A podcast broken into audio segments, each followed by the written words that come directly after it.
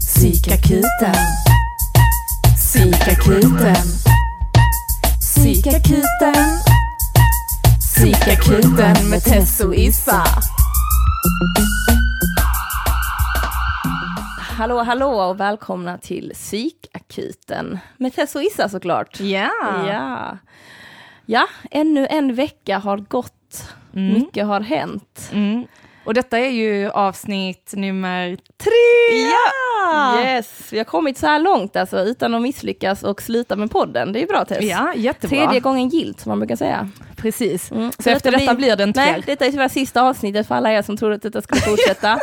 eh, anledningen till att detta är sista avsnittet är ju på grund av att vi inte har så mycket patrons. Så vi kan ju inte fortsätta med podden. Nej, precis. Och det har vi ju faktiskt inte ens nämnt tidigare, att vi har skaffat en Patreon. Sant, så det Ja. kanske man kan börja med då, att berätta om det så att Ja. folk vet. Ja. Och vad är en Patreon, Isa? Det, är, eh, det är, om man blir en Patreon så betyder det att man stöttar eh, någonting för att man tycker att det är bra. Precis. Eh, så man ger alltså pengar per avsnitt. Så man kan gå in på patreon.com psykakuten och så kan man bidra till vårt kreativa skapande med denna podden så att vi kan fortsätta med detta. Mm. Eh, jag och Tess har lite olika inkomster. Eh, Så det är ju alltid jättebra att man eh, kan överleva på det. Mm. Nu, vi begär inte mycket, bara lite, Mm. för att visa ert stöd till oss. Och det är allt från liksom en dollar per avsnitt till En miljon. Ja, dollar om man har per det. avsnitt. Ja, Ja, det är ja. lugnt, vi tar emot alla bidrag, stora som små. Precis. Yes. Så det får man ju jättegärna göra Mm. eh, för att stötta oss. Och vi kommer även lägga ut lite exklusiva grejer på Patreon som kanske de andra snyltarna inte får ta del av. Precis. Mm. Och det ska ni såklart inte berätta för de andra vad ni har lyssnat på så att eh, de blir lite avundsjuka och vill också gå med Mm. i klubben. Så när ni ger oss en gåva så ger vi er en gåva. Lite ge och ta sådär. Precis. Mm. Mm. Ja, och en av anledningarna till varför vi nämner Patreon också är för att det har hänt mycket saker i veckan som har lett till att min ekonomiska situation har drastiskt förändrats. Eh, Den restaurangen jag jobbar på nämligen har gått i konkurs. Mm, och det var där jag ställde ut mina tavlor dessutom. Så Tess kommer alltså inte få några inkomst för sina tavlor av de rika människorna som eh, kom och käkade på min restaurang. I Västra Hamnen. Precis. Mm. Så ja, så... Eh, Kan ja, du inte berätta, vad var det som hände egentligen med den här restaurangen? För du skulle väl jobba där till... obestämd tid, för Mm. jag tänkte ju jag ska inte jobba här januari 2020. Det var lite mitt mål, att jag ska inte behöva arbeta här. Jag har ju haft det här jobbet som ett jag måste betala hyran och äta matjobb Mm. eh, för att jag ska kunna också få tid. Så jag jobbade där 20 timmar i veckan kanske eh, på dagtid och sen så kunde jag dansa på kvällarna och hålla på med mina andra grejer. Mm. Eh, Så vad som hände var liksom att eh, det, det skedde lite, kom lite saker i ägarens liv som ledde upp till att han spiralade i någon slags eh, mental ohälsa eh, där eh, alkohol var involverat och som sen slutade i att vi fick reda på att han inte har betalt hyran sedan november. Så, Jaha. ja. Vadå, november förra året? Ja, Oj! Ja, så de här, de som han hyr har gått in med pengar för att de ville att restaurangen skulle finnas kvar. Eh, vilket har typ bara matat hans missbruk kan man väl säga. Så nu, eh, så äntligen så är det över. Mm. Eh, det har varit en väldigt jobbig tid att jobba. Mm. Eh, den här mannen har ringt mig mitt i natten och eh, ja, Han har väl haft eh, er servitriser som sina personliga psykologer? ja precis. Ja. Så att det har varit väldigt eh, påfrestande. Mm. Eh, det är ju alltid jobbigt att vara med en person som typ aldrig har funderat över en enda känsla i kroppen förrän han eh, passerade liksom 50-årsåldern. Mm. Då är det mycket att bearbeta. Och sen plus som jag diskuterat med dig, att han har en beroendeproblematik som gör det ännu jobbigare. Mm. Ja men just att jobba och ens chef dyker upp jättefull och ska prata om sina problem och dra iväg er i en timme från faktiskt ert arbete som ni är där för att sköta. Så det känns ju skitskönt att det är över, kan jag tycka mycket. Jag har inte några... Alltså det enda som är segt är ju att jag inte har en inkomst. Ja. Men eh, det är ju skönt att svenska staten backar upp en. Så för första gången i mitt liv i Sverige utöver studiemedel så går jag på konkursbidrag. Ah. Så tack alla där ute som betalar skatt och tack för mig själv för jag tänker att jag får tillbaka den skatten jag betalat som jag inte har utnyttjat. Ja, Då utöver att jag går på gatan och allt sånt där. precis. Ja, nej men det känns, så det känns okej liksom, kan jag tycka. Att man får, att man, alltså jag har ju lön som är innestående som jag inte fått och sånt där som kommer komma. Mm. Så det känns jättebra. Du har, så du klarar dig ett litet tag framåt. Till Precis. vår eh, Patreon här, börjar kicka igång. Precis, Ja. liksom. Mm. Sen måste jag söka ett nytt jobb ju. Ja. För att jag vet ju hur jag är också, jag kommer inte kunna bara vara hemma och bara pilla med mina egna projekt. Jag kommer ju behöva vara ute också bland människor. Mm. Vad skulle Så. du vilja jobba med då? Alltså jag skulle vilja jobba med människor. Alltså jag skulle tycka att det var jävligt nice att jobba på en restaurang tre dagar i veckan. Jag Kan gillar inte- liksom det. Kan inte han anställa dig som sin personliga psykolog? Så kan du få betalt för att lyssna på honom. Jo, kanske det. Kanske Ja. det. Det är ju sjukt många människor, jag vet inte hur det är för dig, sen vi startade den här podden som har börjat höra av sig till mig. Alltså från pff, när och fjärran, alltså folk jag kände för flera år sedan och så. Mm. Ursäkta. Eh, och eh, som pratar om deras upplevelser, eller upplevelser under årens gång och vad, deras, vad podden betyder för dem och att de har slutat känna sig så himla ensamma. Är det sant? Ja, Ja, ingen har hört av sig till mig om det. nej. Eh, och det tycker jag är skitkul, alltså det uppskattar jag jättemycket och jag tänker det är ju, det är ju liksom syftet som vi har pratat om. Tess. Precis, alltså syftet med Mm. podden är ju för oss att vi delar med oss av våra erfarenheter, att vi tar in gäster som delar med sig av sina erfarenheter och som faktiskt kan hjälpa lyssnarna med kanske problem som de har. Mm. Eh, Så absolut. Jag har mer fått från gamla vänner, just när vi pratar gamla, gamla skoltid och så vidare, att folk känner igen sig och tycker det är kul att lyssna på och så. Eh, Så det är roligt. Mm. Jag har också en bekant som sa att eh, hon hade en upplevelse av att hon satt och, när hon lyssnade på podden, att hon sitter och tjuvlyssnar på oss. Ja. Och då tänker jag att eh, ja, vi pratar om väldigt privata grejer. Ja. För att det är den upplevelsen du har då liksom. Och det kan jag Precis. förstå. Men när jag, du och jag Tess, vi sitter ju här och blottar vårt inre. Mm. Något som eh, kan, jag kan uppleva väldigt påfrestande efter avsnittet. Men sen efter någon timme så är det jätteskönt. Mm. Precis som det brukar vara när vi ses, Mm. att vi utmanar varandra liksom. Ja, alltså det kan ju ta ganska mycket energi om vi pratar om jobbiga grejer, absolut. Mm. Eh, och sen eh, finns det ju en hårfin gräns, vad, vad, vad kan man nämna, vad kan man inte, vem är det som lyssnar på detta, vågar vi säga detta? Ja. Ehm, så ja, släpper lite i taget liksom. Mm. Till slut kommer det inte finnas några gränser. nej, nej, nej. Allt, allt är på bordet, allt är på bordet. Men vad har hänt, eh, du har ju också hänt lite grejer i din karriär. Efter min eh, sommaranställning har jag ju gått nu en månad och sökt massor av jobb. Eh, och jag är ju nyexaminerad, så jag trodde ju att oh, jag kommer få jobb direkt. Nej, det har gått en månad. Ehm, men nu äntligen har jag fått ett nytt arbete. Så det är ett ehm, nyöppnat HVB-hem eh, för ungdomar med psykisk ohälsa, missbruksproblematik och ehm, eh, eh, kriminalitet. Mm. Mm. Spännande. Så det ska bli Grattis, grattis på det Tack så mycket, tack så mycket. Mm. Det ska bli väldigt spännande. I och med det är nyöppnat så är det inte riktigt satt några så här riktiga rutiner än. Ehm, och vi har inte riktigt fått in några ungdomar och så, så det ska bli roligt att se hur det kickar igång och se hur det blir framöver och så. Mm. Jag är sjukt glad också att jag var med dig under den här processen, den här Mm. månaden som liksom eh, innehöll eh, panik, lugn, kaos, liksom. Vad ska jag göra, vad ska jag välja? För jag tyckte det var så himla spännande det du och jag gjorde med när vi satte upp olika alternativ. Ja. Liksom. Det tänker jag vi kan dela med oss av, Mm, om det det är kan okej vi för dig. Ja. Mm, ja. Jag hade ju, från att inte ha några alternativ, och jag sökte jobb jag inte ville ha, jag sökte jobb jag ville ha, eh, ingen hörde av sig, till att jag förstod att okej, jag kanske inte kan vara kräsen, utan jag behöver bara ta ett arbete. Eh, då så fick jag helt plötsligt två bra alternativ, där jag provjobbade på båda jobben och trivdes jättebra på båda. Och jag visste inte vad jag skulle välja. Och sen så fick jag även eh, vikariat. Ehm, eh, alltså jag hade möjligheten att jobba på vika eh, som vikarie på olika ställen. Och då var jag också så, ah, men vill jag jobba heltid, för då hade jag två heltidsjobb att välja mellan och att vara vikarie, där jag faktiskt fick styra själv. Ja men vill jag bara jobba 50% då kan jag göra det. Men det kanske också blir en risk att jag inte får något jobb om jag bara är timanställd på massa ställen. Så att ehm, vi gjorde upp så för och nackdelar, en lista med alla de här, det blev ju tre alternativ Mm. som man kunde välja mellan. Ehm, och då var det intressant att se liksom vad jag räknade som fördelar och nackdelar. Jag bara, nackdel 100 procent. Heltid, vem fan vill jobba det? Ja. Ja. Och en fördel liksom, ah, men det ligger nära. Och det där ligger ju 25 minuter härifrån, Uff, det vet jag inte. Mm. Att eh, man ser lite hur, ehm, ja, men vad som betyder mycket för en. Liksom. Mm. Pengar såklart. Ja. Men det var också så, lönen, detta betalade bättre, det här betalade sämre, men där älskade jag människorna. Ja, det gjorde jag tydligen på andra stället också. Mm. Så att, ja. Vi snackar ju också mycket om det, alltså att vad du skulle Um, alltså i ditt arbete kan du jobba med mycket olika problematik och då tänker jag, då snackar vi mycket så här, vill jag jobba med denna typen av problematik eller denna, mm. denna typen liksom. Och det är ändå, ändå spännande att du valde någonting med ungdomar, tänker mm. jag också. Mm.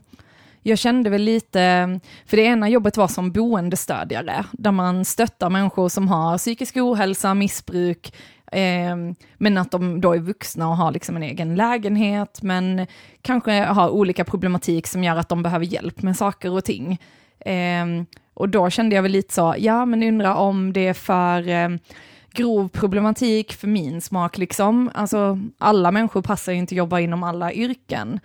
Um, och att det kanske var kanske lite ensamt där, eller jag vet inte, alltså, eller med ungdomar. Jag tycker ju just att kriminalitet och missbruk är väldigt intressant. Uh, jag har ju läst både kriminologi och uh, socialpsykiatri, mm. så för mig så är det något som klaffar ganska bra. Uh, och jag har ju jobbat med ungdomar tidigare. Fördelen att jobba med ungdomar är ju att jag faktiskt är 30, så att man blir en förebild. Medan att jobba med vuxna människor, då kan det vara lite svårt ibland för att de ser kanske på en som att man är som deras dotter, eller alltså, mm. vad ska du lära mig liksom, eller mm. kom inte här och säg något. Det är, särskilt när man har fått lära sig att respektera de äldre, då blir det lite så, ja, mm. kan jag gå in och göra mitt jobb här eller är det någon som blir sur? Mm, ja. Absolut. Men hur är det så, eh, jag tänker du har haft massa olika jobb och sånt och du nämnde ju kollegor som någonting som var superviktigt, vilket ja, jag också känner att det är absolut. jätteviktigt inom, när man jobbar, att man trivs så. Eh, vad har, mm. du haft, har du haft något så, jag tänker att du väljer det för att du vill, tycker det är viktigt. Är det så att du varit på ställen där du inte haft nice kollegor? Ja, det tycker jag definitivt. Mm. Eh, men jag, för mig handlar det mycket om att man vill känna att man har kanske ja, men att man kan ha kul på jobbet, att man kan eh, prata med varandra, att man kan lita på varandra.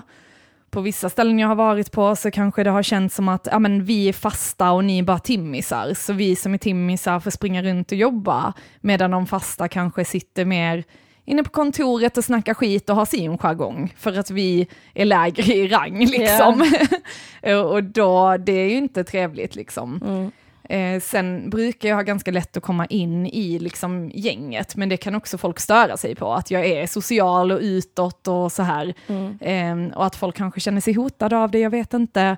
Eller att man tar för mycket plats och folk gillar inte det. Jag tänker att man, det som du beskrev precis, att man känner sig hotad. Liksom. Ja, ja. Men det är också intressant det där med att, för eh, det känns som att vi har pratat mycket om det, typ att man, det är någon som inte tycker om mig och varför tycker de inte om mm. mig? Liksom att, att det finns, man måste försöka man rannsaka sig själv, finns det någon anledning att du inte tycker om mig? Varför tycker du inte om mig? Tycker du det är jobbigt att jag är social? Vad är det du liksom mm. inte ser hos mig? Liksom? Mm. Som... För bo, alltså jag vet inte, känner du också så att det är viktigt för dig att bli omtyckt? Ja, absolut. Ja. Alltså ja. Alltså jag känner typ att jag försöker vända folk om de inte om de inte tycker om mig. Och för mig också gränsen är rätt så eh, eh, liksom låg på när jag uppfattar att någon inte tycker om mig. Alltså det mm. kan vara typ att den här personen skrattar inte åt mitt skämt. Ja. Eller den ler inte. Ja. Det tycker inte om mig. Ja. Och sen bara det har jag fått jobba jättemycket med, med att alla behöver inte tycka om mig, men det, bara för att de inte gillar mig så betyder inte det att de ogillar mig. Nej. Det är också rätt så viktigt för mm. mig i alla fall att fatta liksom att, alltså när jag jobbar på organisationer med många människor, mycket olika så liksom, att mm. man får ta det lugnt, att relationen kanske byggs successivt och så kanske man gör ett projekt ihop eller en del ihop och då bondar man liksom och då hittar man någon slags gemensam nämnare som man kan prata om eller så. Jag gjorde en sån här övning eh, eh med eh, eh, en tidigare klient liksom för länge sedan, så var det att man skulle fylla i eh, eh, så här, jag blir sällan arg, jag blir sällan det här, jag tycker det är viktigt att andra gillar mig och lite så här.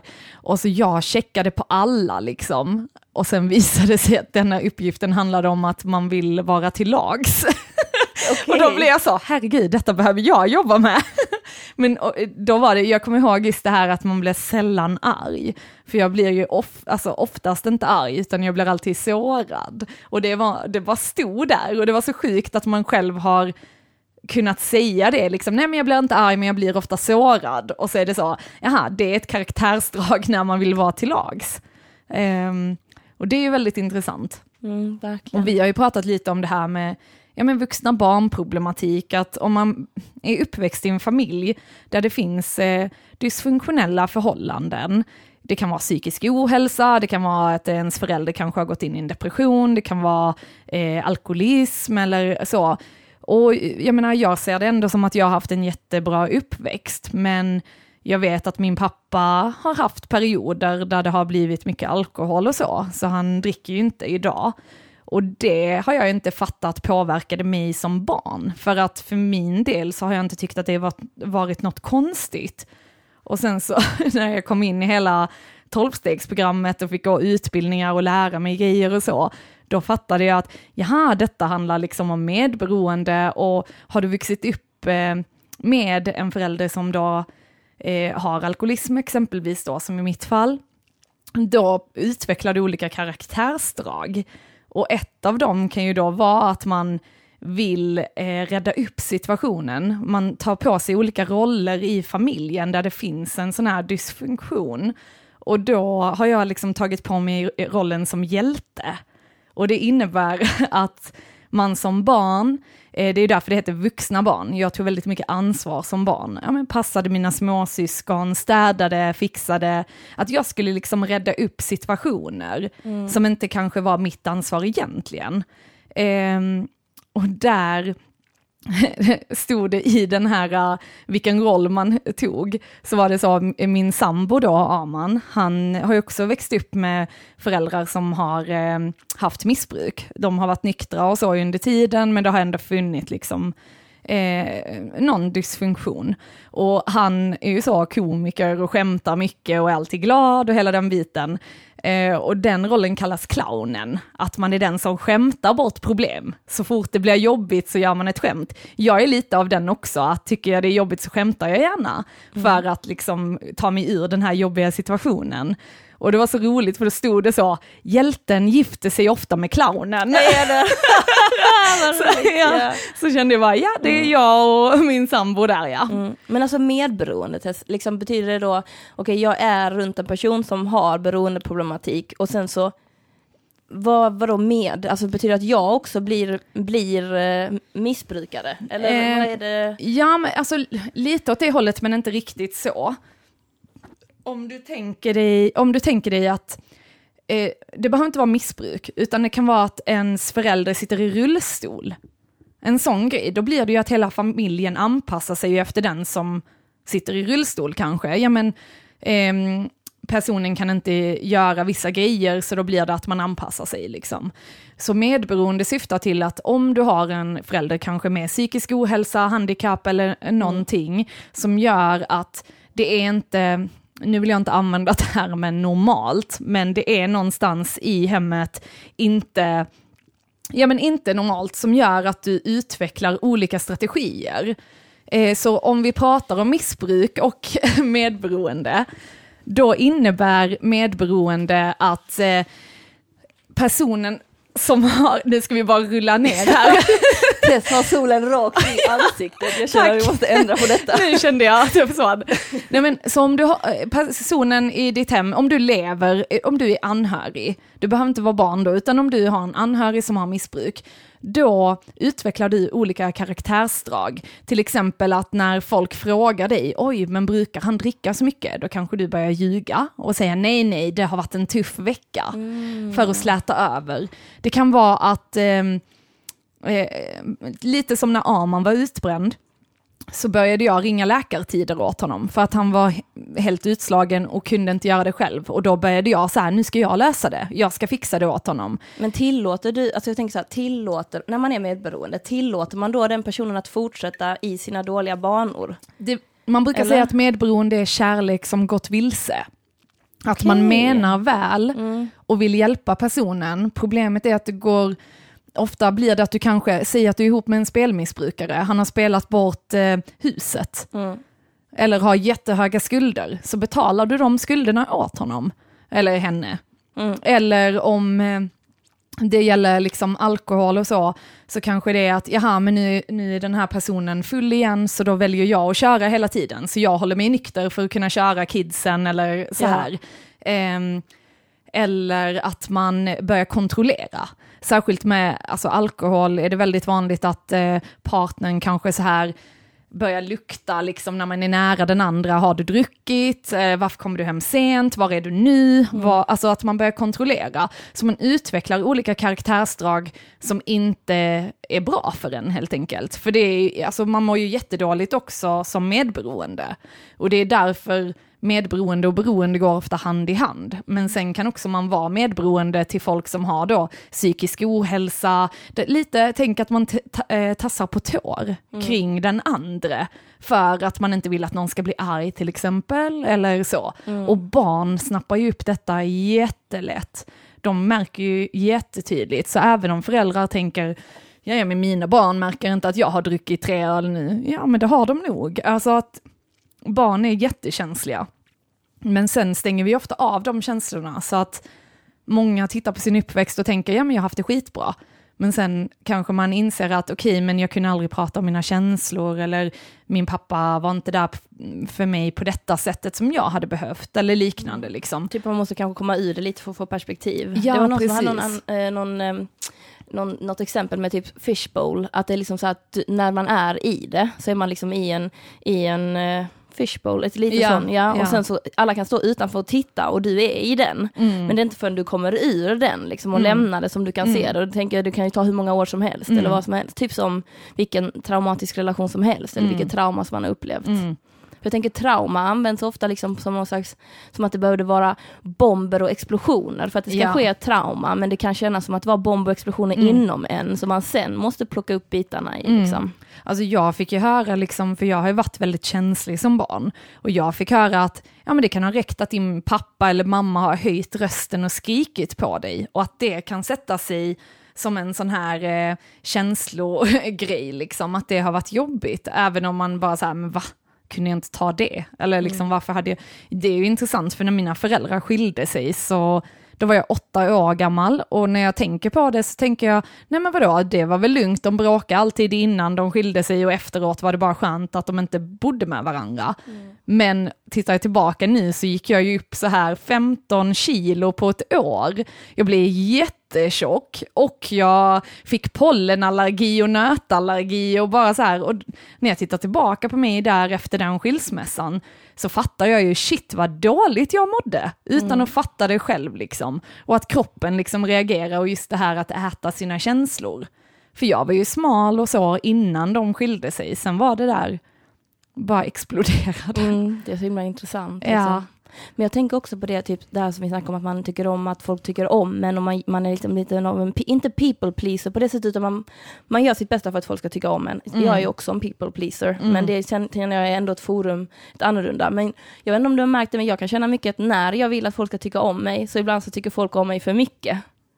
Hur tänker du då? Alltså jag tänker typ om du har en kollega, alltså detta har hänt mig massa gånger, därför jag tänker på det nu, men alltså om jag är, jag vill att alla ska trivas på jobbet, jag vill att alla ska ha det bra, så då är jag trevlig mot alla. Mm. Och ibland så missuppfattar folk ens trevliga för en annan intention, typ att man är romantiskt intresserad av dem. Mm. Och då, det skrämmer mig lite, för det måste ju på något sätt betyda att folk i världen är mest bara snälla mot varandra om de vill ha något. Ja. Ja. Ja, att de har ett syfte med att vara snäll eller mm. god. Och då tänker jag om man då inte bryr sig om vad någon tycker, använder man, eller inte tycker, alltså om man inte bryr sig om att någon ska tycka om en eller inte, att man inte har någon värdi, värdi i det. Mm. Vad betyder det då för en liksom? Mm. Det tycker ja, jag, jag vet inte. Ja, alltså jag har ju också hela den grejen att jag vill att folk ska gilla mig och jag vet inte, alltså varför, alltså för jag menar jag gillar inte alla människor så det är ju helt orimligt att ställa det kravet på att alla måste tycka om mig. Mm. Men det blir ändå så, ett riktigt slag mot ens ego liksom, att va, vad är det för fel på mig liksom. Mm. Men, eh, mm. Det är ändå spännande. Jag kommer ihåg en gång eh, när jag var i Norge, så var det en, eh, började det en ny, detta är så typiskt, jag var 19, um, ehm, det började en, en, man på vårt jobb och han var från något ställe som heter Fontänhuset, så det var så folk som var lite, lite speciella som skulle börja jobba igen. Mm. Och så kommer jag ihåg att min chef sa till mig så, Isabel, nu kommer han och vi måste vara extra snälla mot honom så att han känner sig välkommen, liksom, mm. för han har haft problematik. Och jag bara, okej, okay, och det bara bing bing, det går på i min hjärna och jag bara extra snäll, han ska må extra bra.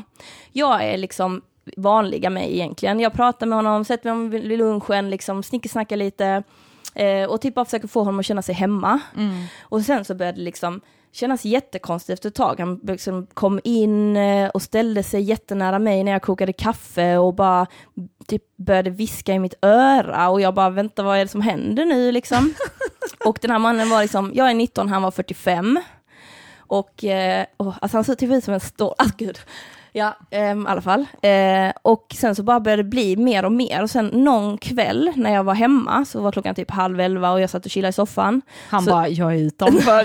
så ringer min telefon och så svarar jag. Och då säger han då sitt namn, att det är han. Och jag bara, och det första jag säger är, varför ringer du till mig? ja. Och han bara, nej jag var bara ute på internet och surfade och råkade stöta på ditt nummer.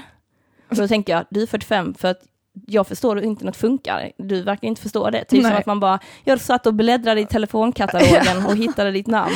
Det måste vara ödet. Så skrev jag bara att han inte skulle ringa mig mer. Mm. Och sen så går jag till min chef dagen efter och jag är, jätte, alltså jag är jätterädd. Alltså jag bodde någonstans där mina föräldrar inte var, jag hade ingen familj, så jag känner nog inte mig så trygg i det liksom. Så Mm. gick jag till min chef och hon bara ställde sig upp direkt, gick till där han jobbade Mm. och bara sa att han inte fick prata med mig, han fick inte vara i närheten av mig. Alltså hon bara skötte det så jävla nice. Ja. Men då står han och bara, men du vet inte vad jag och Isabelle har mellan varandra. Mm. Och jag bara, när hon berättade detta för mig efteråt, och han bara frågade också, hur, och hon bara, men hon har en pojkvän liksom. Och då frågade han, hur seriöst är det mellan dem? Alltså det gick liksom inte in, och då tänkte jag, shit, jag kan inte vara så här snäll. Alltså man måste välja vem man är så snäll Ja, mot. Och sen absolut. så efter några månader där så kom han till den baren jag jobbar på, så då fick jag gömma mig liksom. Jag extra jobbade på en bar på helgerna. Ja. Alltså det var bara helt absurt. Ja. Ehm, och han typ kom och frågade om jag ville prata om det och sånt. Nej, det var bara, nej. Men big up till min chef där, att hon bara, alltså jag kan tänka ibland att folk kanske skulle säga då i det läget så här, ja, jag måste gå och prata med honom för att se ifall det stämmer från hans sida också. Mm. Jag tycker ofta att det blir typ att man, man blir liksom inte riktigt tagen på allvar. Mm. Och att man vågar säga det också, tänker jag. Mm. Du ska inte behöva hantera det själv. Men det tänker jag som praktiskt exempel på när jag varit för snäll. Mm. Sen har jag, oh sen en gång blev jag upptryckt av en kund mot väggen. Alltså, När då? i Norge. För jag också var för snäll. Ja men det stod jag, en kille som kom och drack i min bar liksom. Och så var han trevlig, vi snackade lite så. Och sen vet jag inte hur han fick reda på att jag och min kille hade gjort slut. Och sen så blev vi ihop igen efter ett tag. Mm. Och den kvällen så satt eh, min kille i baren med en av mina polare och sen så gick jag runt för att låsa grinden. Och då eh, på något sätt har han följt efter mig, men jag visste inte det. Och han bara håller och trycker upp mig mot väggen helt plötsligt och håller fast mig så att mina fötter dinglar liksom. Oj! Ja, och bara säger till mig, han bara, Isabel, vad gör du? Och jag bara, vad menar du? Han bara, vi skulle vara tillsammans. Det skulle ju vara du och jag nu. Och jag bara, jag tänker bara så här, hur fan ska jag ta mig ur den här situationen? Och, han, och jag bara, nej. Vi säger att han heter Sven. Nej Sven, vi, vi ska inte vara tillsammans liksom. Han bara, men du, du har ju bara du har ju bara flörtat med mig och fått mig att tro att det ska bli vi nu. Och jag bara, nej men det har jag inte gjort. och, och jag bara, om inte du släpper mig nu så kommer jag börja skrika. Och han bara släppte mig, tittade mig djupt in i ögonen och sen bara gick han iväg. Och sen så har jag aldrig sett honom igen. Då tänker jag, Åh. I'm too nice. Stackars Sven. Alltså för fan. Men det är också, jag tyckte det var intressant, för jag tänker mycket på vad vi sänder ut till andra. Eh, att eh, man inte alltid är medveten om vad man sänder ut. Eh, och det intressanta här är, för det handlar ju om att sätta gränser åt sig själv och till andra. Och det kan vara väldigt intressant för att det kan ju vara vissa tjejer som kanske, eh, eller killar också för den delen, men att man pussar sina kompisar på munnen, att man sitter i deras knä och att det är så här, ja men det är helt lugnt. Eh, och om jag då kanske sätter mig i någons, ja men säg jag har pojkvän eh, och är lycklig där, men när jag är ute så pussar jag mina killkompisar på munnen, jag sitter i deras knä, eh, och då blir det så här, ja men jag är inte intresserad för jag vet vad jag har, liksom, jag vill inte ha dem, men är jag säker på att de inte blir intresserade? Förstår du vad jag menar? Vad Mm. sänder jag ut för signaler när jag beter mig på det sättet? Mm. För att det är inte alltid att vi menar att sända ut det, men alla är ju olika. Det är inte alla, alltså som bara att du är trevlig får stackars Sven då och tro att det är ni. Han har kanske köpt ring och allting och var helt redo liksom att ta nästa steg. Ja. Och där har du blivit tillsammans med ditt ex. Ehm, och det tycker jag är intressant för att jag tror det är många människor som inte reflekterar över vad de sänder ut. Och sen är det så, va? Hur kan jag hamna i denna situationen om och om igen? Så tänker jag så, ja, Fast jag tycker inte det är så konstigt för jag känner dig. Ja, men sen tänker jag också, jag hade någon kompis nu förra året som totalt missuppfattade mig för att jag tog på hans arm. Ja. Mm. Alltså jag tycker också det finns nivåer. Alltså, Absolut. Uh, Okej, okay. är, det, är det den jag är? Att jag är fysisk med mina vänner? Ja, det är den jag är. Jag mm. gillar att vara fysisk med mina vänner. Det är ett jättestarkt sätt som jag visar kärlek på. Liksom. Mm. Och då, eh, alltså jag tänker ju inte att jag måste berätta det. Nej. Jag tänker ju inte att jag behöver säga när jag tar på hans arm första gången att jag tar på din arm för att jag tycker om dig som människa. Mm. Liksom. Att det var också en, en anledning till att jag hade liksom eh, led him on. Liksom. Du mm. tog ju på min arm. Fast eh, där tycker jag också så här, jag menar är man kompisar, man känner varandra, då kanske det är så här liksom att ja, men vi kan liksom skratta och liksom röra varandra och slå på varandra lite och alltså hela den jargongen, att det är lugnt. Men jag, jag brukar tänka så här, om den här personen skulle haft en flickvän eller pojkvän eller så här, är det då okej okay att vi har denna jargongen? Alltså förstår du, för det kan ju mm. vara så att man har den jargongen när man är singlar, men när båda skaffar partner skulle man aldrig röra varandra på det sättet. Att det är lite så här att jag brukar tänka att jag vill inte att detta ska kunna missuppfattas, så då håller jag hellre ett steg tillbaka. Men jag menar att ta på armen, absolut, det skulle jag också göra. Och jag mm. skulle nog inte, alltså för där tänker jag att din kompis måste ju känna dig och vet att du är, ja men likadant, du och jag brukar ju ha så här massagekvällar. Och ditt ex tyckte ju att vi hade lesbian night. Yeah. alltså. Undrar ja. om han var svartsjuk på riktigt. Det tror jag. Tror du det? Mm, ja. Men det bästa är ju att då, alltså när du inte var kvar så eh, saknade jag ju de här kill och pillkvällarna. Eh, så då eh, försökte jag initiera det med honom, för att jag bara kände att jag behöver den här typen av fysisk beröring, liksom, mm. den här typen av intimitet som är liksom långt ifrån sexuell, mm. men så härlig. Så då köpte jag ett par diskhandskar och sen så limmade jag på lösnaglar på dem, för att han hade ju inga naglar alls.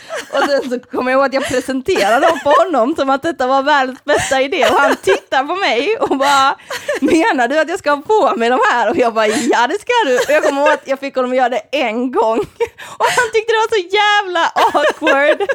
Och jag kände bara, det känns inte likadant. Det är liksom något som är lite för plastigt. Vi måste fila dem lite. bara, Tess, kan du skicka en bild på dina naglar? Så kan jag liksom eh, forma det. Jag kan till och med kunna fått honom att ha på sig lösnaglar. Nej, där kände jag att jag verkligen försökte. Jag har inga lösnaglar kan vi tillägga, mm. men jag hade långa. Mm. Mm. Men hur är liksom, hur, eh, är det någonting som du brukar implementera i din relation, att man ska liksom killa varandra på ryggen eller massera varandra? Brukar du göra det med dina partners? Um, ja, alltså det, ja, det tycker jag ändå. Jag tycker om att kunna ge varandra varsin massage och så här. Mm. Och eh, nu blir det väl kanske mest min sambo som får göra det på mig.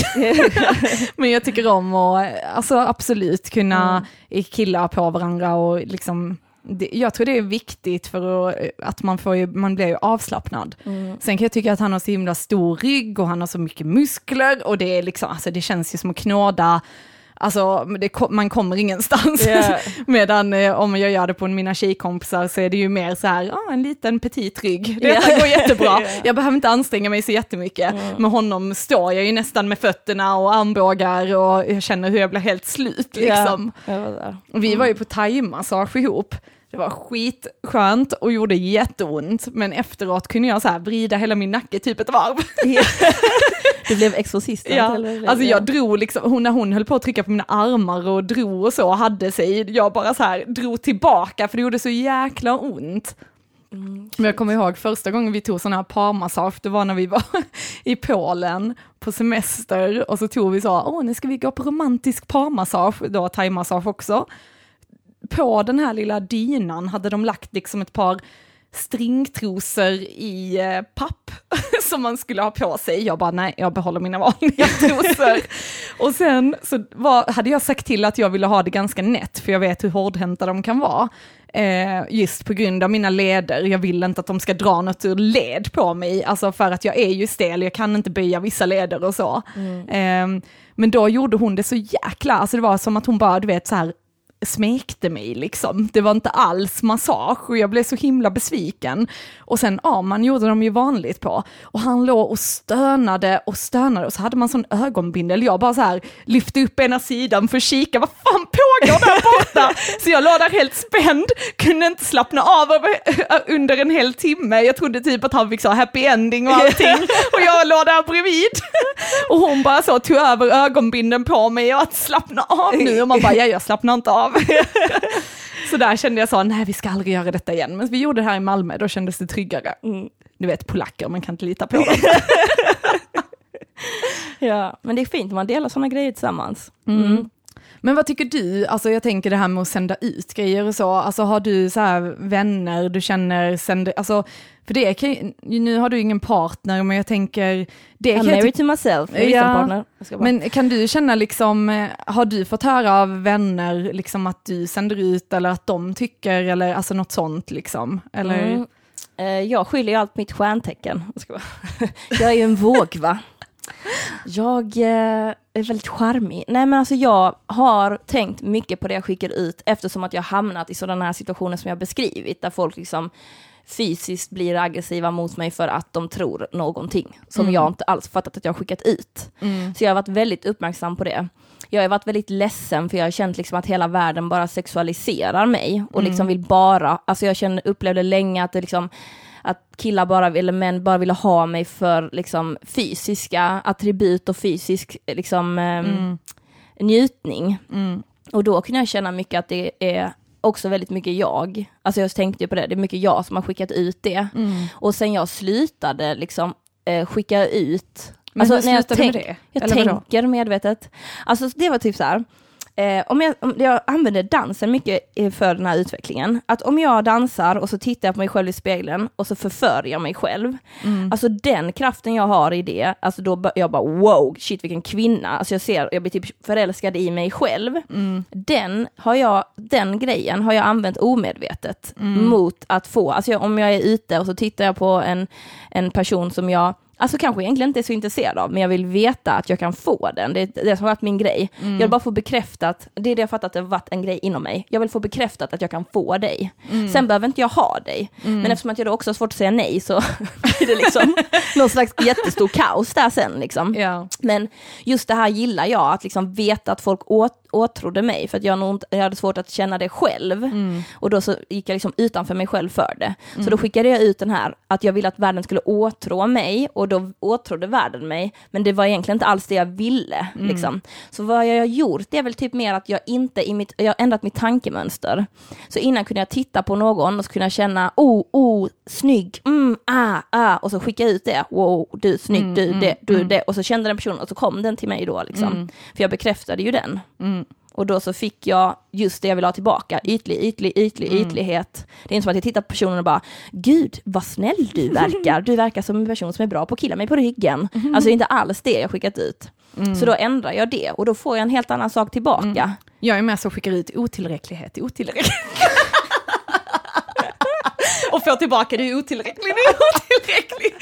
Varför är jag otillräcklig? Yeah, shit, det är så spännande med det där. Men jag tänker som du säger, att man verkligen måste fundera på vad det är man skickar mm. ut. Mm. Som vi sa det med jobb också, om jag skickar ut, men jag är jätteglad för att bara vara här, ja då kommer jag få en dålig lön, då kommer jag inte bli uppskattad. Mm. Så liksom hela tiden fundera över det. För det har hänt mycket med killkompisar, jag känner att man har legat i kölvattnet och väntat på någon slags tillfälle att hoppa upp och attackera mig. Mm. Tänk att män är predators och sen så har vi några undantag. Typ. Ja.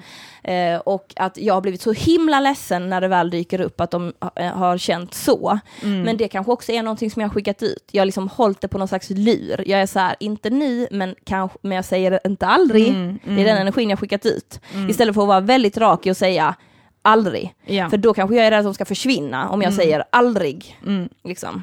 Sen har jag sagt aldrig till vissa av mina polare, men de har ändå försökt. Ja. Så det har liksom varit ett dubbelarbete. Liksom. Ja, alltså jag tror att jag är väldigt tydlig där, eller så, mm. eh, faktiskt. Men, men, jag tycker inte du utstrålar sexuell energi. Tack Issa, det värmer. Alltså, när du inte vill. Förstår ja. du? Du är bra på att kontrollera just den energin. Mm. Vi har pratat om det innan, att det finns vissa människor som går runt och bara sprutar ut sexuell energi. Mm. Det kan nästan vara jobbigt att vara runt dem när man inte är intresserad för att de bara, det är som att de bara försöker förföra dig och sexuell energi kan du använda på massa olika sätt. Att, vara, att folk ska skratta åt dina skämt, att folk ska vilja bjuda dig på någonting. Liksom. Den energin är otroligt stark i samhället liksom. Som praktiskt exempel när en dude köper en drink till en tjej, hon bara har matat sexuell energi mot honom. Sen när hon, när hon väl får drinken, då stänger hon av det. Går hon iväg. Tack, hej då. Ja. Ja. Att du, liksom, du kan använda den som världens kraft. Mm. Liksom. Och sen problemet blir ju kanske lite då när du inte stänger av den. Då kan folk tycka att det är jobbigt. Jag menar Mm. varför utstrålar du en massa sexuell energi mot min partner? Ja. Så jag menar som du säger där, jag har ju haft problem med tjejkompisar och deras partners. För att mina tjejkompisar, eller jag har ingen av dem finns kvar, eh, har varit, varit liksom upprörda. Men detta är ett praktiskt exempel. När jag var på Gran Canaria så träffade jag en tjej där som jag jobbade med. Hon och jag och killen hon träffade plus hans kompis var ute och dansade. Så var vi på ett salsaställe. Och jag tycker om att dansa, hon tycker inte om att dansa. Den killen som hon hade tagit med till mig, eller vad det nu än var, han tyckte inte om att dansa, men hennes kille hon träffade och jag ville dansa. Så då dansade vi salsa. Absolut inte så här som en jävla, vad heter det, dirty dancing dans. Det var liksom inte alls så, utan det var verkligen en, två, tre och en, två, tre. Ja. Verkligen så här, vi tycker om musiken. Ja. Hon blev så arg. Hon blev så arg på mig och försökte eh, liksom, säga att jag försökte sno hennes kille, na na na, och liksom så här hennes osäkerhet bara spiralade där liksom. Men jag var inte alls intresserad av honom och både han och jag försökte lugna henne. Liksom, men det gick inte att prata vett i henne.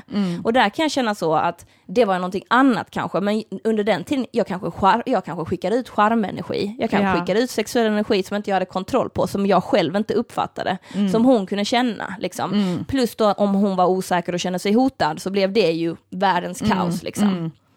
Ja, alltså jag, jag kan väl känna att med mina nära vänner så har jag aldrig upplevt det problemet, för där, där finns det ju tillit. Alltså sen tycker jag att mina kompisar är jävligt snygga och det vet jag om. Alltså, och, men just det här att när jag hade min första pojkvän då kunde jag vara skitosäker och jätterädd att presentera honom för mina vänner för jag tänkte, åh gud, tänk så kommer han bli kär i dem istället, eller alltså du vet så. Eh, men just nu, liksom, när man har haft liksom, en stabil relation, då känner jag ju inte alls så. Men om det är bekanta eller folk jag inte umgås med så ofta eller så, och man ser den här sexuella energin, då är det klart att jag kan känna, men vänta lite, vad pågår här? Alltså varför gör du så med min partner? Eller du vet, du, du ska vara min kompis, varför skickar du ut det här? Ehm, eller ehm, jag var i en situation med en bekant som jag varit vän med tidigare. Eh, och att hon liksom verkligen skulle trycka ner mig hela tiden. Och det var så himla konstigt, alltså det blev jättekonstig stämning. Hur menar du att man liksom, Ja men hon, eh, att det var liksom, jag... eller jag hur yttrade sig? Ja men det yttrade sig liksom exempelvis genom att jag dricker ju inte alkohol och jag har ju varit nykterist nu i åtta år på grund av min autoimmuna ledsjukdom. Eh, och sen dess har jag inte haft ett nytt skov i min sjukdom och jag känner mig nöjd med det valet att ja men jag står över detta liksom eh, och får leva ett hälsosamt friskt liv istället. Mm. Och då blev det att eh, när vi träffades att hon skulle hacka ner på det. Att jag, ah men, eh, ah, Tessie är så tråkig, hon dricker inte, ah, hon är så nykterist. Och jag bara kände så, men du vet ju om varför jag inte dricker, varför håller du på så här?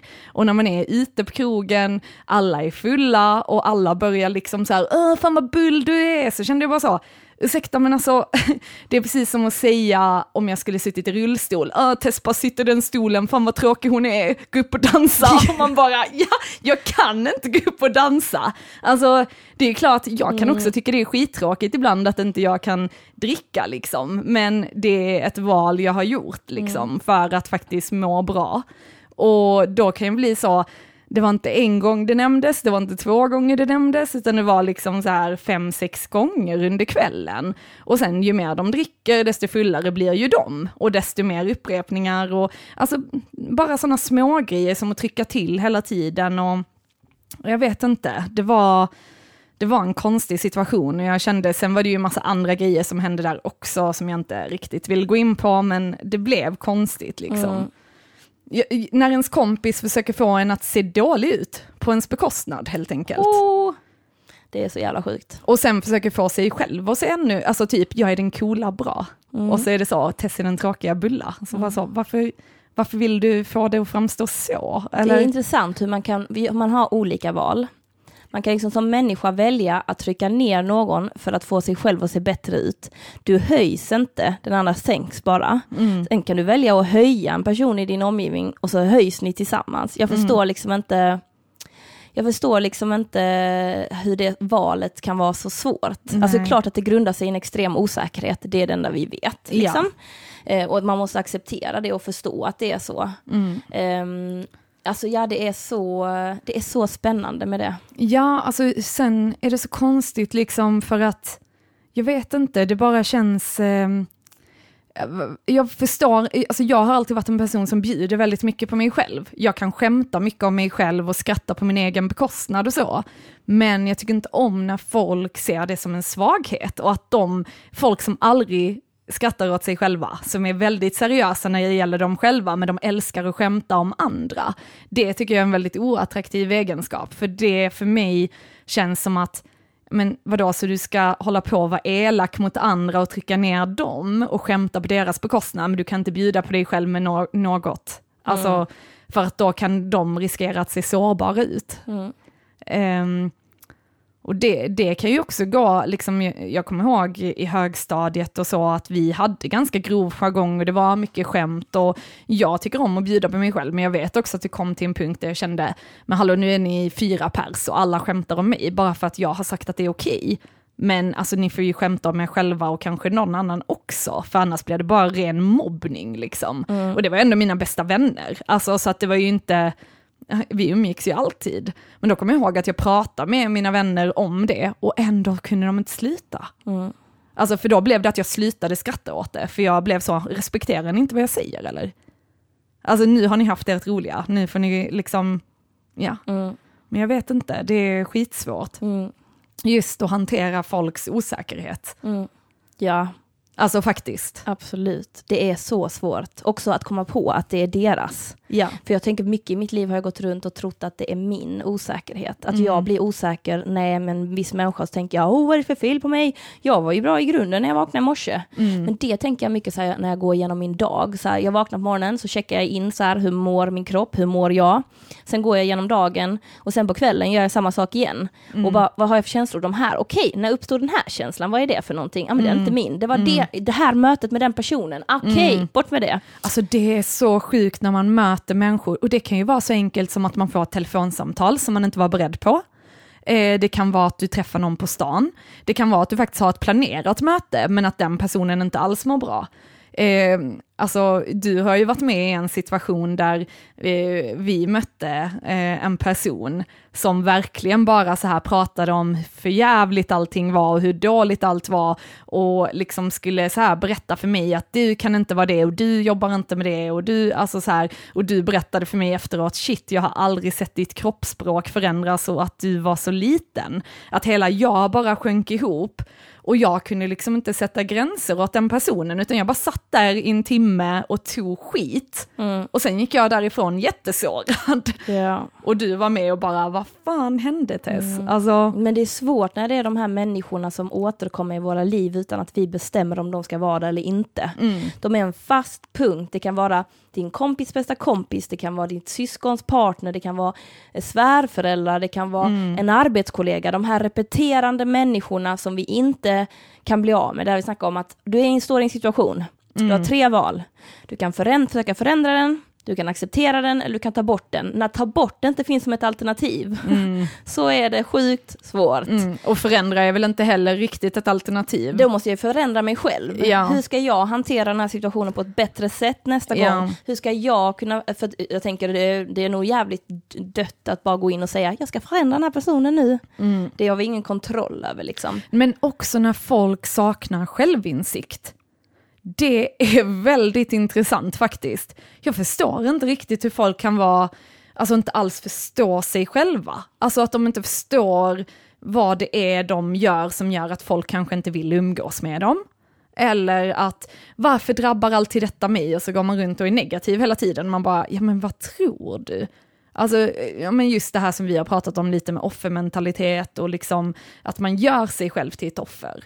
Inte att man tar kontroll över sitt liv och förändrar någonting, utan jag är ett offer för denna situationen, detta är synd om mig. Eh, och det tycker jag är väldigt intressant och lite som vi pratar om det här med vad man skickar ut och alltså varför blir alla kära i mig? Alltså Mm. att det är liksom att man inte förstår vad det är man själv gör som gör att man hamnar i de situationerna. Sen, eh, sen finns det ju situationer där det är faktiskt kanske inte man själv som skickar ut något, eller, alltså, utan det är bara att det går inte att kommunicera med denna personen. Man möts inte överhuvudtaget. Och det har vi ju pratat mycket om, så här narcissister. Personer som är helt upptagna av sig själva och tycker att de är störst, bäst och vackrast och det finns inga fel på dem. Mm. Utan det är alla andras fel och jag har inga fel. För där tänker jag att de inte reflekterar över sig själva överhuvudtaget. Nej. Att och de bara umgås med människor som på, de har lurat i att de är de här fantastiska varelserna som borde bli behandlade som gudar. Mm. Typ. Mm. Det handlar om att man blir förälskad i sin egen spegelbild och sen kommer du inte ur det. Liksom. Mm. Tänker jag mycket. Men jag tänker mycket på min utveckling i baren, för där kan jag se min känslighet. Liksom.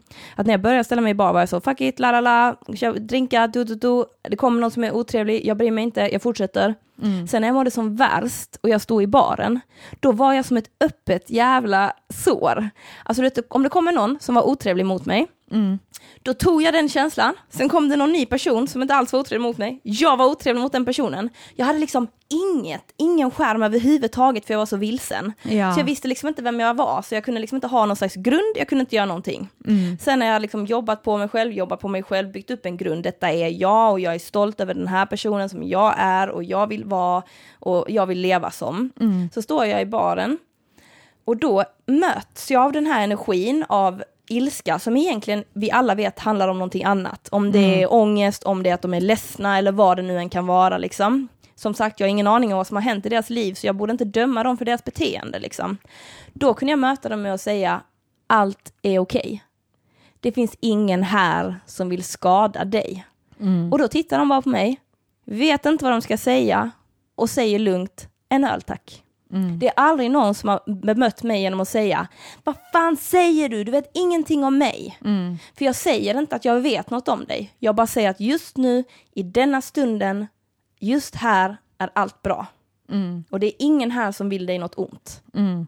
Och det, alltså det var typ revolutionerande för mig i baren. Jag använde det jättemycket när jag jobbade på Babel. Mm.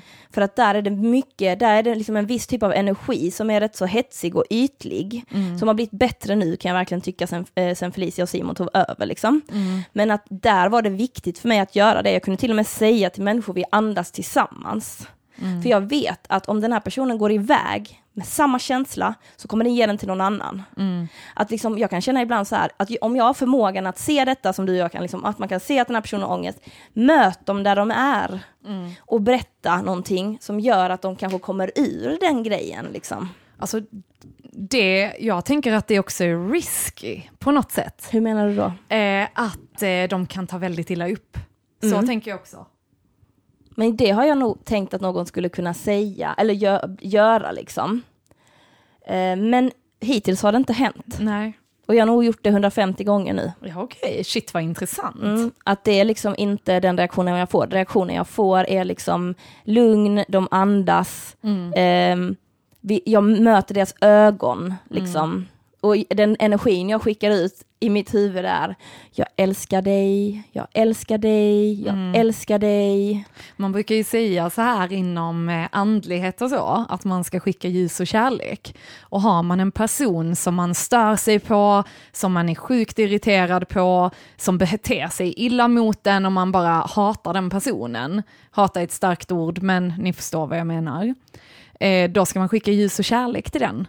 Så brukar det vara att helt plötsligt så ringer de dig och ber om ursäkt kanske, eller de bara dyker upp med en helt annan energi.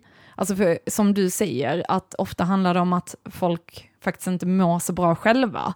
Och det, då kan det ju vara att man blir provocerad av att någon annan är så glad eller att någon annan mår bra eller att det är någonting jag vill ha det den har och om inte jag kan få det då ska inte den heller känna så. Mm. Alltså att man vill liksom, jag tror inte detta sker medvetet. Nej, alltså, inte jag heller. Alltså. jag tror det sker undermedvetet, Mm. men att Ja, men det är väldigt intressant faktiskt hur det yttrar sig. Men just det här med energitjuvar. Man kan gå helt fylld av energi och sen känna sig helt tom efter man har träffat någon och man förstår inte riktigt vad som hände. Mm. I både den att den har tagit energi av dig plus att du inte har satt gränser som du snackade Ja, om innan. Precis. Jag gick en kurs som heter Management by Heart som hålls av Bengt Jakobsson, superbra kurs. Och då Ja. var det en sak som jag fastnade på som jag tyckte var skitjobbigt att förlika mig med. Att alla människor gör sitt bästa utifrån sina egna förutsättningar. Mm. När jag hörde detta, jag tror jag gick den här kursen när jag var 23, jag Mm. blev så arg. Jag bara, vadå? Nej, folk kan göra bättre ifrån sig. Vadå? De, alltså, du var skittaskig, klart att du kan vara snäll, det är ett val. Men sen så efter ett tag, vi satt där och tragglade, jag var på den här kursen i fem dagar. Mm. Sista dagen alltså, så kände jag, oh, nu jag fatta det lite kanske. Och sen gick det, har det Mm. gått år och nu fattar jag det liksom. Att jag har ingen kontroll över andra människor. Så jag har ingen aning om vad som händer i deras liv. Mm. Jag har ingen aning om var de kommer ifrån. Hur kan jag begära någonting av den här personen när jag har noll bakgrund från Mm. den? Och det är ju det som du snackade innan om att man tror att trauma ska handla om bomber och granater. Att jag tänker mycket på, eh, Eh, alltså jag är ju ändå svensk liksom och jag kan få höra eh, från många andra svenskar att de tycker, ja men ah, hur svårt är det att skaffa ett jobb, hur svårt är det med detta och hur svårt är det med det. Eh, särskilt inom mitt yrke kan jag ha fått höra av min familj som ifrågasätter liksom, ja men ska du jobba med människor som inte vill och hit och dit och varför, varför ska de få så mycket resurser och hjälp och hit och dit. Och jag tänker liksom så, ja men det är klart att de vill någonstans, men har man aldrig fått en chans eller man inte har någon förutsättning, alltså jag menar det är enkelt när jag har mina förutsättningar och ändå har inte jag haft det enkelt liksom. Eh, du har alla förutsättningar men du har inte heller haft det enkelt. Och kommer du då från ingenting där du kanske inte har en familj, du kanske inte har någon som kan stötta dig eller backa dig om det händer något. Eh, eller något skyddsnät, liksom. du är utelämnad till staten eller bli, riskerar att bli hemlös och ha psykisk ohälsa och missbruk och hit och dit. Alltså, alla har inte samma förutsättningar och det måste man ju alltid utgå ifrån att du gör ditt bästa utifrån vad du kan helt enkelt. Mm. Sen är det absolut så här, visst om du beter dig så här så behöver inte jag välja dig och ha dig i mitt liv liksom. Om man nu tänker inte ur en professionell synvinkel utan mer vänner eller alltså så. Att eh, vi får ju också välja att sätta gränser till vad vi vill ha i vårt liv. Har jag en person som gör att jag alltid mår dåligt när jag träffar den, varför ska jag då ha den i mitt liv? Och den går därifrån fylld av energi för att den har precis tagit den, varsågod liksom. Då är det bättre att okej, jag klarar inte av att stäng- sätta gränser här, jag klarar inte av att stänga av. Då är det bättre att jag inte träffar denna personen, för att det lämnar mig med en känsla jag inte gillar. Och sen är det skitjobbigt för då hamnar man i en situation där man faktiskt måste så här, oh nu måste jag ta ett beslut och nu måste jag sätta gränser och det kan vara läskigt för tänk så blir den arg på mig och jag vill ju bli omtyckt. Ja, för fan. Jag vet inte, ja. Mm. Nej, men det är jättesvårt. Jag tänker det kräver mycket träning och mycket in, självinsikt, mycket förståelse för att man ska fatta. Alltså jag, var, jag ställde ut mina eh, björkbarksmycken i helgen på Lund skördefest. Jättemysigt var det verkligen. Och då var det en kvinna som var bredvid mig och hon berättade för mig om sin ångest. Alltså jag kunde fatta att hon bara berättade för mig vad hon hade ångest Vadå, över. hur berättar hon det? Alltså det var så här, eh, eh, en gång sa hon så här. Eh, ja Isabel, vi behöver ju inte vara ledsna över att vi inte säljer så mycket och att vi inte står på en bra plats. För jag menar annars kanske vi bara hade suttit hemma och inte gjort någonting. och jag bara, var kom det här ifrån? Jag känner inte alls så här, det går bra för mig och det är skitkul och det är trevligt att prata med människor. och, och du vet liksom, och jag bara tittar på henne och bara, nej men alltså jag tycker det bara är jättetrevligt att vara här. Och jag säljer, du säljer ju också, jag förstår liksom inte vad du menar. Sen kom inte hon på söndagen. Aha. Så jag bara kände att hon ehm, liksom inte alls eh, ville på något sätt vara där. Det var något som, jo just det, hon hade inte fått den platsen hon ville och då var hela, allt hennes förstört. Aha. Och då kunde hon liksom inte bara acceptera utan då klarar hon liksom inte det. Nej. Alltså hon sålde mycket, det var jättemånga som köpte av henne, hon hade skitnice grejer så jag fattar liksom inte riktigt vad Mm. men det hade inte, gick inte precis som hon ville och då kunde hon liksom inte. Så det märkte jag. Och sen pratade vi lite om spiritualitet och då, sa, då nämnde hon inte så mycket positivt utan det var väl- väldigt mycket så ehm, Ja, men jag gillar inte spirituella människor som tror att de vet allting, som att, de, som att, eh, de, eh, att man måste vara spirituell på rätt sätt. Och det håller jag helt med om. Alltså, det finns ju inget rätt sätt att leva på, man kan bara dela med sig av positiva erfarenheter och så. Mm. Men då kände jag så, okej, hon har ett hon har folk omkring sig som trycker på henne och säger att hon inte är spirituell på grund av bla bla bla bla Mm. bla. Men liksom. tycker du inte du, har du varit, jag har varit, jag, jag är ju väldigt andlig och jag har ju testat på, jag har ju gått så här reiki healing kurser och gör reiki healing och tycker det är helt fantastiskt. Det är en av grejerna som hjälpte mig när jag var sjuk och läkarna inte kunde göra något, så började jag på healing och så. Och det hjälpte skitmycket. Så för mig är det så, wow! Och sen har jag varit mycket på så mediala kurser och ja men, varit på schamankurser och grejer, alltså, och jag tycker det är jättekul. Och just att jag spår ju i tarotkort också och drar lite olika kort och så här, så att ja, jag tycker det är, det är en jättestor del av mitt liv där jag känner att jag får ut liksom positiv energi och glädje och kan hjälpa andra. Um, men vissa människor blir extremt provocerade av att man är andlig. Medan, alltså nu i, vår, alltså i Sverige är det ju ganska, då tror ju kanske inte så många människor på något, så det, alltså, att vara kristen och så kan ju också ha en negativ klang i Sverige, tänker jag, medan utomlands är det mycket mer accepterat. Mm. Men jag tycker det är väldigt intressant när folk som ändå tror på Gud, alltså att du är kristen eller du är muslim eller liknande, men det är totalt fel att vara andlig. Att då är man galen om man tror på det. Ja. Man bara, va? Men alltså ni tror ju på exakt samma grej, bara att jag kallar inte det för Gud. Ja. Eller förstår du vad jag menar? Mm. Men där tänker jag så att den, den här personen har en väldigt stark eh, känsla av att den vill kategorisera sig och det är viktigt att du inte är med i den gruppen. Alltså Mm. fattar du? Alltså jag kan känna det liksom att om man inte är precis som dem så får man inte vara med i gruppen. Och det är Mm. precis det jag inte vill. Jag vill inte vara i en grupp. Jag vill inte Mm. vara med en vän eller med en familj som bara inte accepterar mig för den jag väljer att vara. Mm. Sen får de vara vem fan de vill. Jag tycker det är så intressant, för vi har en, eh, en kompis som är komiker, som är så extremt provocerad av att jag är andlig. Och han bara så här, men Tess, det, det, då, jag har sett sån dokumentär om detta och detta är liksom att de lär sig om hur människor eh, tolkar kroppsspråk. Alltså det är fake, allt är bullshit och hela den biten. Och jag kan känna så, Ja men alltså jag, du får tycka vad du vill, men jag tror på detta. Och de, alltså han, han blev så arg, han blev riktigt förbannad över att jag tror på det. Och jag känner bara som, jag tvingar inte dig att tro på det, du behöver inte. Men sen kan jag också bli provocerad av att, har du gått till ett medium? Har du testat att spå i tarot? Har du testat healing? Nej, du har inte testat någonting, så kom inte och säg att du vet att det är bara bullshit. För jag har testat det och jag har gjort en bedömning att detta är på riktigt. Men jag tror verkligen, är man inte öppen för det, nej, då funkar det inte. Alltså faktiskt. Ja men lite skillnaden på diskussion och samtal tänker jag. Där har ni en diskussion. Ni har två sanningar och den ena försöker övertala den andra om att den sanningen är rätt. Men i samtalet som jag upplever att vi har mycket, där delar vi med oss av våra sanningar och sen lindas det in till någonting nytt. Och där tänker jag så här, jag orkar inte gå in i diskussioner men jag har gärna samtal om vad vi tänker kring livet och jag respekterar din uppfattning vad du än vill tycka liksom. Om du, och då respekterar du min, det är så vi typ utvecklar Men oss. han tycker väl att jag är extremt korkad och dum i huvudet för att jag tror på det. Och jag kan känna, men du har inte upplevt de grejerna jag har upplevt. Du har inte varit med när man får fram namn och ålder och kontakt och alltså hela den biten med andlighet. För att du kanske är rädd för det. Och det är helt okej att du är rädd för det och inte vill göra det. Men kom inte till mig och säg, ja men det är någon som läser av dig för jag har varit med om att jag har gjort det själv. Och det fungerar. Och jag tycker det är skitcoolt. Men sen vill jag inte tvinga på dig att du behöver tro på det. Men istället för bara rata det, kan du vara öppen för det och testa det? Jag sa så till han killen, jag bara, ja men då kan du ju gå till ett medium, så kan du sitta där stel som en pinne så att hon inte kan läsa av ditt kroppsspråk. Så kan du ju se om det stämmer eller inte. Och han bara, nej, nej för jag vet, jag vet hur de kommer göra. Så, men ja. Hon bara börjar med så här, jag upplever att du har en väldigt en stelhet. Han bara, jag visste det! Jag visste det! De läste om mitt kroppsspråk. Ja. Det hade varit så jävla kul om han hade gått till ett medium och allt hade stämt.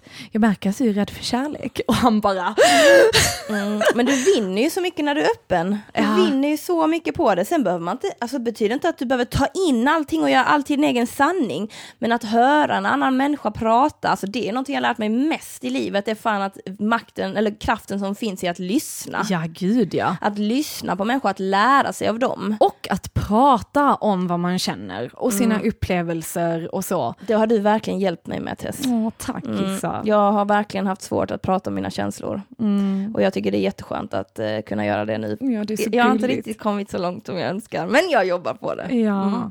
Mm. ja, men alltså det är superviktigt. Mm. Alltså verkligen. Mm. Innan kunde jag alltid tycka att du var så himla känslig, typ, för du sprutade alltid ut dina känslor och jag bara shit. Men liksom, jag förstår inte alls kraften i det, att Mm. göra det, att gråta, att ventilera liksom.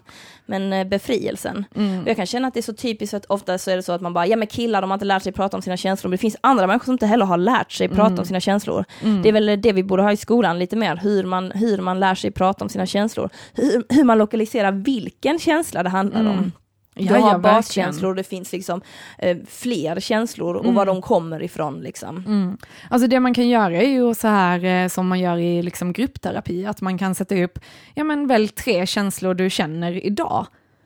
Och varför känner jag så som jag gör? Och vad tror jag det beror på? Och vad kan jag göra åt, alltså vad tycker jag om de här känslorna? Tycker jag att det är okej eller tycker jag att det är jobbigt? Ja men om jag tycker det är jobbigt, vad kan jag då göra för att påverka dem? Kan jag tänka på något annat sätt? Kan jag ändra det? Alltså så att man inte fastnar i den här maktlösheten och att jag kan inte göra något, jag bestämmer ingenting utan nu är det bara så här. Men det är väl det som är läskigt med känslor också, att vi blir maktlösa. Alltså att ja, men, man riskerar att bli sårad. Berättar jag för någon hur jag känner så riskerar jag också att bli sårad. Mm. Som du säger, man kan välja hur man vill se på det. Mm. Jag tänker som min första relation, så när jag läste någon bok om typ, alltså hur du tänker liksom. Eh, och då var det mycket att jag, innan tänkte jag, jag blev tillsammans med en person som totalt fuckade mig och som var en idiot och na na na. Och sen om jag skriver om den här historien så var det så, jag blev förälskad för första gången i mitt liv. Mm. Och han var helt magisk. Mm. Han var helt fantastisk och vi hade så himla bra tillsammans. Och sen så hände någonting med honom som gjorde att han blev osäker. Och då projicerade han det på mig. Och jag försökte mitt yttersta att älska honom för den han var.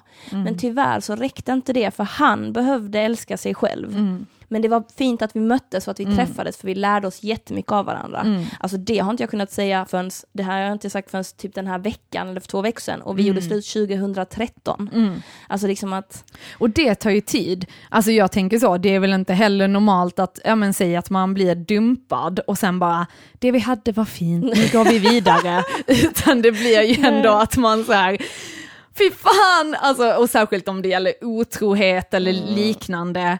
Eh, alltså att då kan, alltså det är okej att vara arg, det är okej att vara ledsen, det är okej att vara sårad. Men sen kan man också titta på det senare och bara, ja men jag träffade ju honom för jag skulle lära mig det här och det här. Och nu när jag har lärt det så har han uppfyllt sitt syfte i mitt liv. Och hade jag inte, alltså tänk om du hade varit med din första pojkvän, tänk så hade jag varit med min liksom. Det var så här, herregud. Jag tänker också vara försiktig med att agera i affekt. Ja. Liksom. När man känner sig extremt upprymd av känslor, oavsett om det är positiva i din mening eller negativa i din mening, ta det lugnt. Liksom, sitt där och känn det, för jag kan ta drastiska beslut i de här emotionella stadierna. Ja, det är så roligt att att- höra dig säga detta.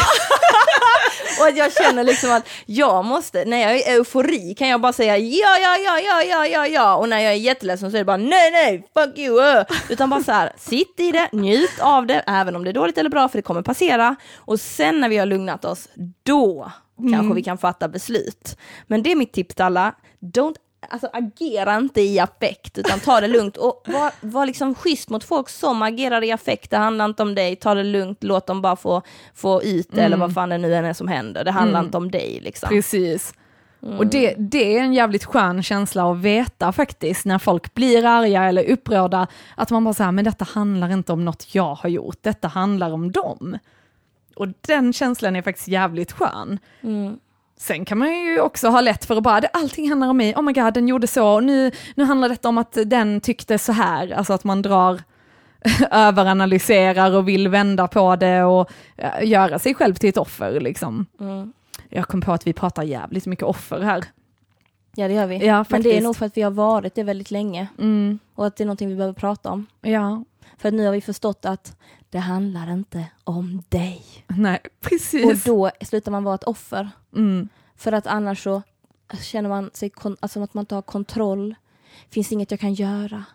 Men det handlar inte om mig. Nej. Så det finns ju inget jag kan göra. Precis. Det enda jag kan göra är ta hand om hur jag beter mig, Mm. hur jag handlar, hur jag reagerar på folks eh, Mm. liksom emotionella outbursts mot mig. Det är det enda jag kan ha kontroll på. Mm. Och sen kan jag berätta och visa för den personen att när du gör så här så sårar du mig. När Mm. du säger så upplever jag att du har issues som du behöver ta itu med som inte handlar om mig. Mm, Sen alltid pallar man inte spendera energin till en annan människa och det är där vi måste avgöra som vi säger.